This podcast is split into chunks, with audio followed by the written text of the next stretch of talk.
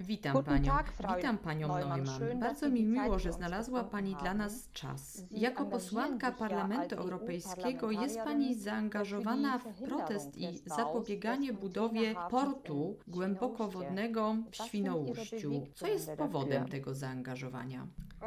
Pani Fedorska, Przede wszystkim dziękuję za zaproszenie i za tą rozmowę. I jeśli mogę, chciałabym to trochę poprawić, to pierwsze pytanie. Trochę.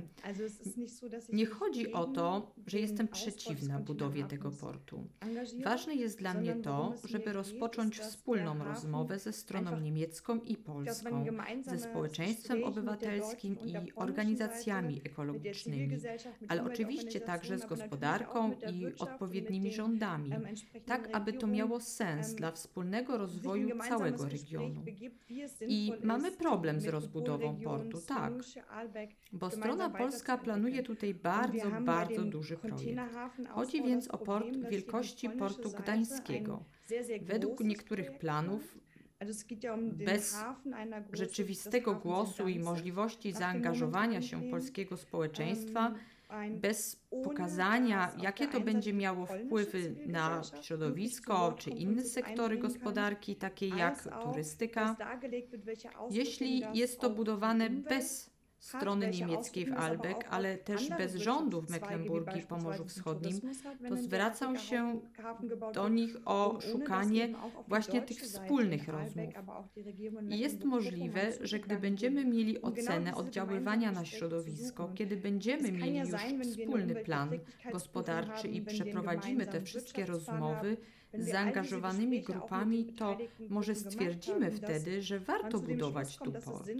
Może taki mniejszy port, ale zanim się to wszystkie rozmowy odbędą i będą przestrzegane dyrektywy unijne, jestem przeciwna budowaniu tego portu. Na jakiej bazie danych się Pani opiera, wyrażając tą krytykę? Z czego czerpie Pani swoje informacje? Z jednej strony istnieją po prostu porozumienia, konwencje, procedury.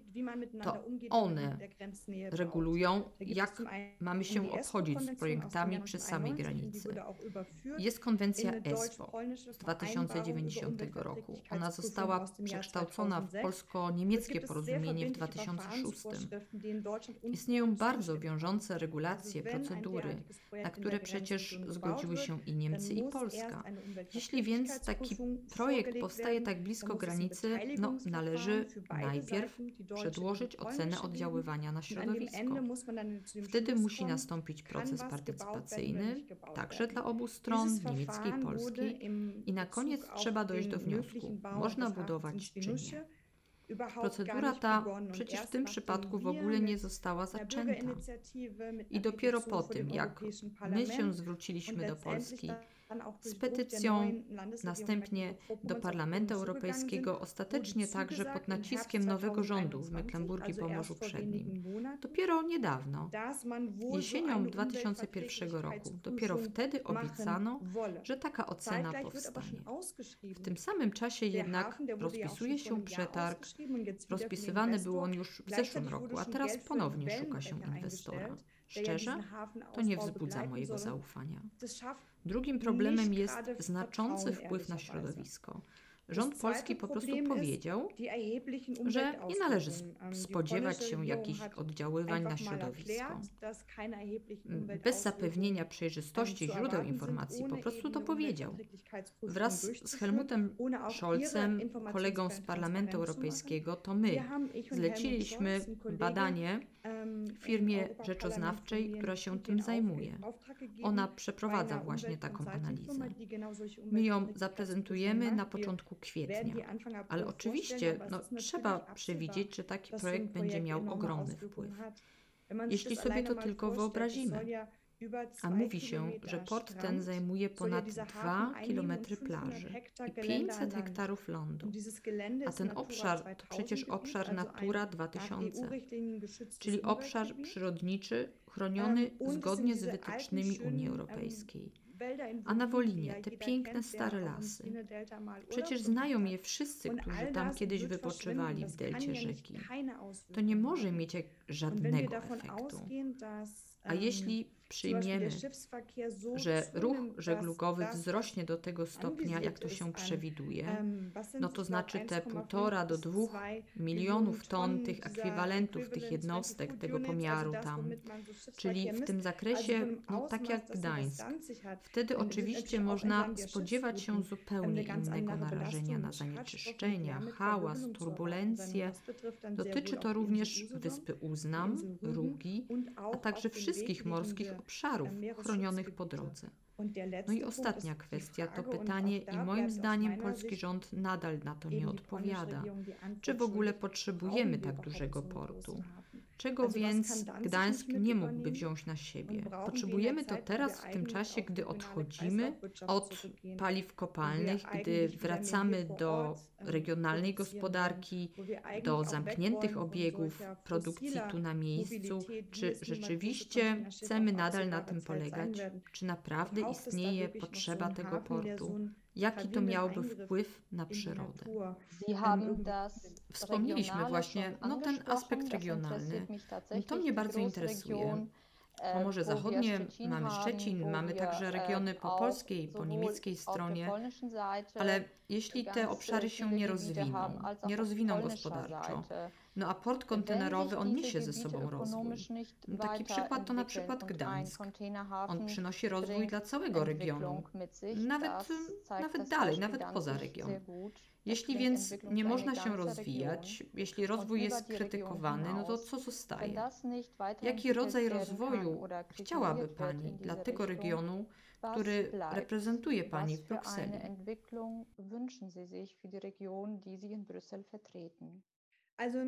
Taki port kontenerowy no, może powodować rozwój, ale tylko gdy będzie miał wystarczającą ilość towaru do transportu. W przeciwnym razie taki port może okazać się inwestycją nieopłacalną. Czas pokaże nam też, jak to będzie wyglądało z zatrudnieniem. Wtedy w związku z gazoportem w Świnoujściu obiecano przecież dużą liczbę miejsc pracy, skończyło się na 20. Więc tu już jest rozbieżność. Otóż jeszcze jedna taka kwestia. Musimy po prostu realistycznie ocenić, jaki rozwój to będzie. Niekoniecznie wierzyć w obietnice inwestorów. Oni, szczerze mówiąc, przede wszystkim chcą wykorzystać tę sytuację i wydać pieniądze polskiego podatnika. Po drugie, zdecydowanie inną, inne scenariusze rozwoju są alternatywy. Taki port z pewnością będzie miał negatywny wpływ na turystykę. A to właśnie ten czynnik rośnie. Rośnie nie tylko po stronie niemieckiej na Uznam, ale także w delcie rzeki i na Wolinie. Tu jest ogromny potencjał dla turystyki regionalnej. On będzie jeszcze dalej rósł to będzie wszystko zagrożone.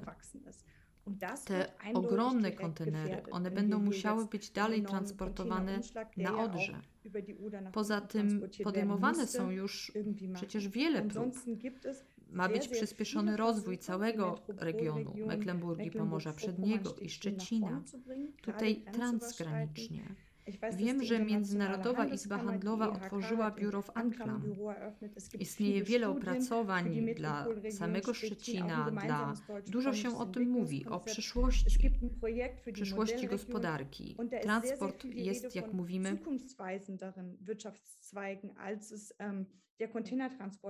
ale mi chodzi ściśle o przemysł. Energia odnawialna. Energia odnawialna, cyfryzacja. Na pewno będą mogły się tam osiedlić nowe branże, na przykład fotowoltaika szuka nowych lokalizacji. Chodzi też o nawadnianie wrzosowisk. To też możliwe. Można zrobić takie projekty, nowe lokalizacje, albo na przykład alternatywna mobilność. Istnieje mnóstwo konkretnych propozycji. Naprawdę żal mi, jak patrzę na to, są te gminy, jest duże zainteresowanie także między województwem a stroną niemiecką, zbliżeniem się, realizacją projektów, takich projektów niemiecko-polskich. Właśnie tam, gdzie nakreśliłam te wszystkie wymiary, przecież to jest możliwe, taki rodzaj współpracy europejskiej. Ale nie. Nie można, jest to blokowane przez polski rząd. A to, jak sądzę, odbiera duży potencjał, który oczywiście wynika również z tego, że no nie można się ubiegać o dofinansowanie. Gdyby nie ta blokada na szczeblu europejskim, ta związana z polskim rządem, również ta rozbudowa linii kolejowych, no Berlin-Szczecin, można tą trasę pokonać już w 90 minut. To jest olbrzymi, ogromny potencjał dla rozwoju. On może łączyć rejony. Szczerze myślę, że to prawdziwy wstyd, że ten potencjał, no, że on nie jest wykorzystany w taki sposób. Można by to było faktycznie lepiej wykorzystać. Od paru lat depczemy w miejscu. Nie możemy zrealizować pomysłów, a one byłyby możliwe. Ale jeśli spojrzymy na to z polskiej perspektywy, Pani wspomniała już o tych obu projektach, które no już zostały zrealizowane. Chodzi mi o port w Gdańsku, ale także terminal LNG w Świnoujściu. Oba te projekty przecież mają kluczowe znaczenie z punktu widzenia polskiej gospodarki, także polskiej infrastruktury i bezpieczeństwa. Mam tu na myśli bezpieczeństwo energetyczne. To znaczy, że może, może nawet to jest bardzo możliwe, że ten port kontenerowy w Świnoujściu może będzie równie udany. Czy można to całkiem wykluczyć? Czy Mecklenburgia pomoże przednie? Przecież może też na tym skorzysta. Tak jak korzystają dzisiaj właśnie z Gdańska regiony jak pomorskie i mazurskie. Myślę, że to bardzo udane sformułowanie. Możliwe, że odniesie sukces. Myślę, że po prostu musimy razem odbyć poważną rozmowę. Osoby zainteresowane stroną ekonomiczną, również te zainteresowane turystyką, ochroną środowiska, musimy zadać sobie pytanie, co potrzebujemy, co ma sens, jakie konsekwencje. No, mi chodzi też o to wzmożenie ruchu. To nam nie pomaga. No te wielkie kontenery, które będą tu lądować. W tej chwili w regionie mamy już przecież do czynienia ze stałym korkiem. No, chodzi tu o turystykę. A więc musimy ze sobą porozmawiać.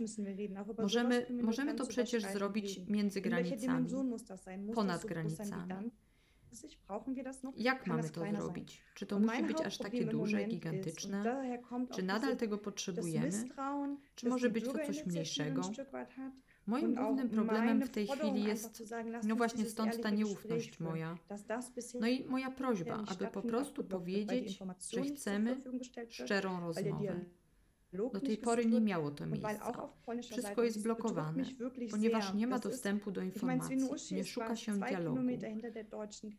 Po stronie polskiej, a to bardzo mnie przygnębia.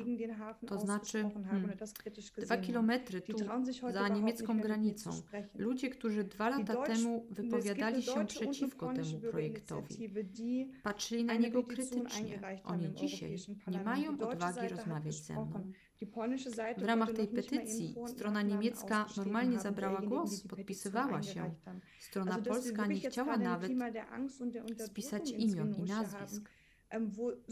Tam naprawdę jest klimat strachu, ucisku. Dialog jest zniszczony, a jeśli przeprowadzamy ze sobą szczerą rozmowę, no to także chodzi tu o Szczecin. Przecież wynik jest otwarty i wtedy w końcu coś wyjdzie. Wtedy nie mam problemu z tym, że się do czegoś zobowiążemy. Ale dopóki fakty są po prostu jednostronnie kreowane przez stronę polską, bez rozmów, nawet bez rozmów z własnymi obywatelami, z własnymi inicjatywami, mam dużą dozę nieufności. Dlatego obecnie jest tak, jak już powiedziałam, że jest blokada, ale żądanie powiedzenia najpierw połóżmy informacje na stole, Przeprowadźmy rozmowy, potem zobaczymy, co ma sens dla całego regionu. No cóż, wszyscy chcemy, żeby region się rozwijał i nie chcemy, żeby Świnoujście, Szczecin miały jakikolwiek zastój w rozwoju. Nie chcemy im przeszkadzać, ale jakoś to musi się dziać razem. To jest wspólny region metropolitarny, a ta granica między Niemcami a Polską to sztuczna konstrukcja. No to może teraz przyjmijmy, albo lepiej wyobraźmy sobie, że wypracowanie jakiegoś kompromisu, taka propozycja między kwestiami infrastruktury i innymi, na przykład interesami ekonomicznymi, no ale także interesy ekologiczne, bo odnoszę wrażenie, że to są poglądy, które bardziej determinują argumentację i stronę niemiecką. Jeśli to wszystko zależałoby tylko od Pani, jeśli Pani mogłaby to stworzyć, to jakby Pani o tym decydowała, o tym kompromisie, to jak wyglądałby taki port w Świnoujściu? Jaki by był jego kształt? Cóż, chciałabym być na tym etapie, w którym mogłabym Pani na to odpowiedzieć. Moim problemem jest to, no to, co już podkreślałam, brakuje rzetelnych danych ekonomicznych, danych ekologicznych, procesów partycypacyjnych dla osób bezpośrednio dotkniętych, tych z różnymi interesami. Nie możemy czegoś zaproponować. Nie mogę zaproponować takiego kompromisu. W tej chwili chciałabym, abyśmy sobie z tym poradzili żeby ludzie mogli uczestniczyć bez żadnych obaw, uczestniczyć w tym procesie, abyśmy po prostu mieli jakąś informację, czystą informację ekonomiczną, ekologiczną, abyśmy mogli zacząć wspólnie negocjować. To by było najlepsze dla całego regionu. W takim razie bardzo dziękuję Pani za ten wywiad.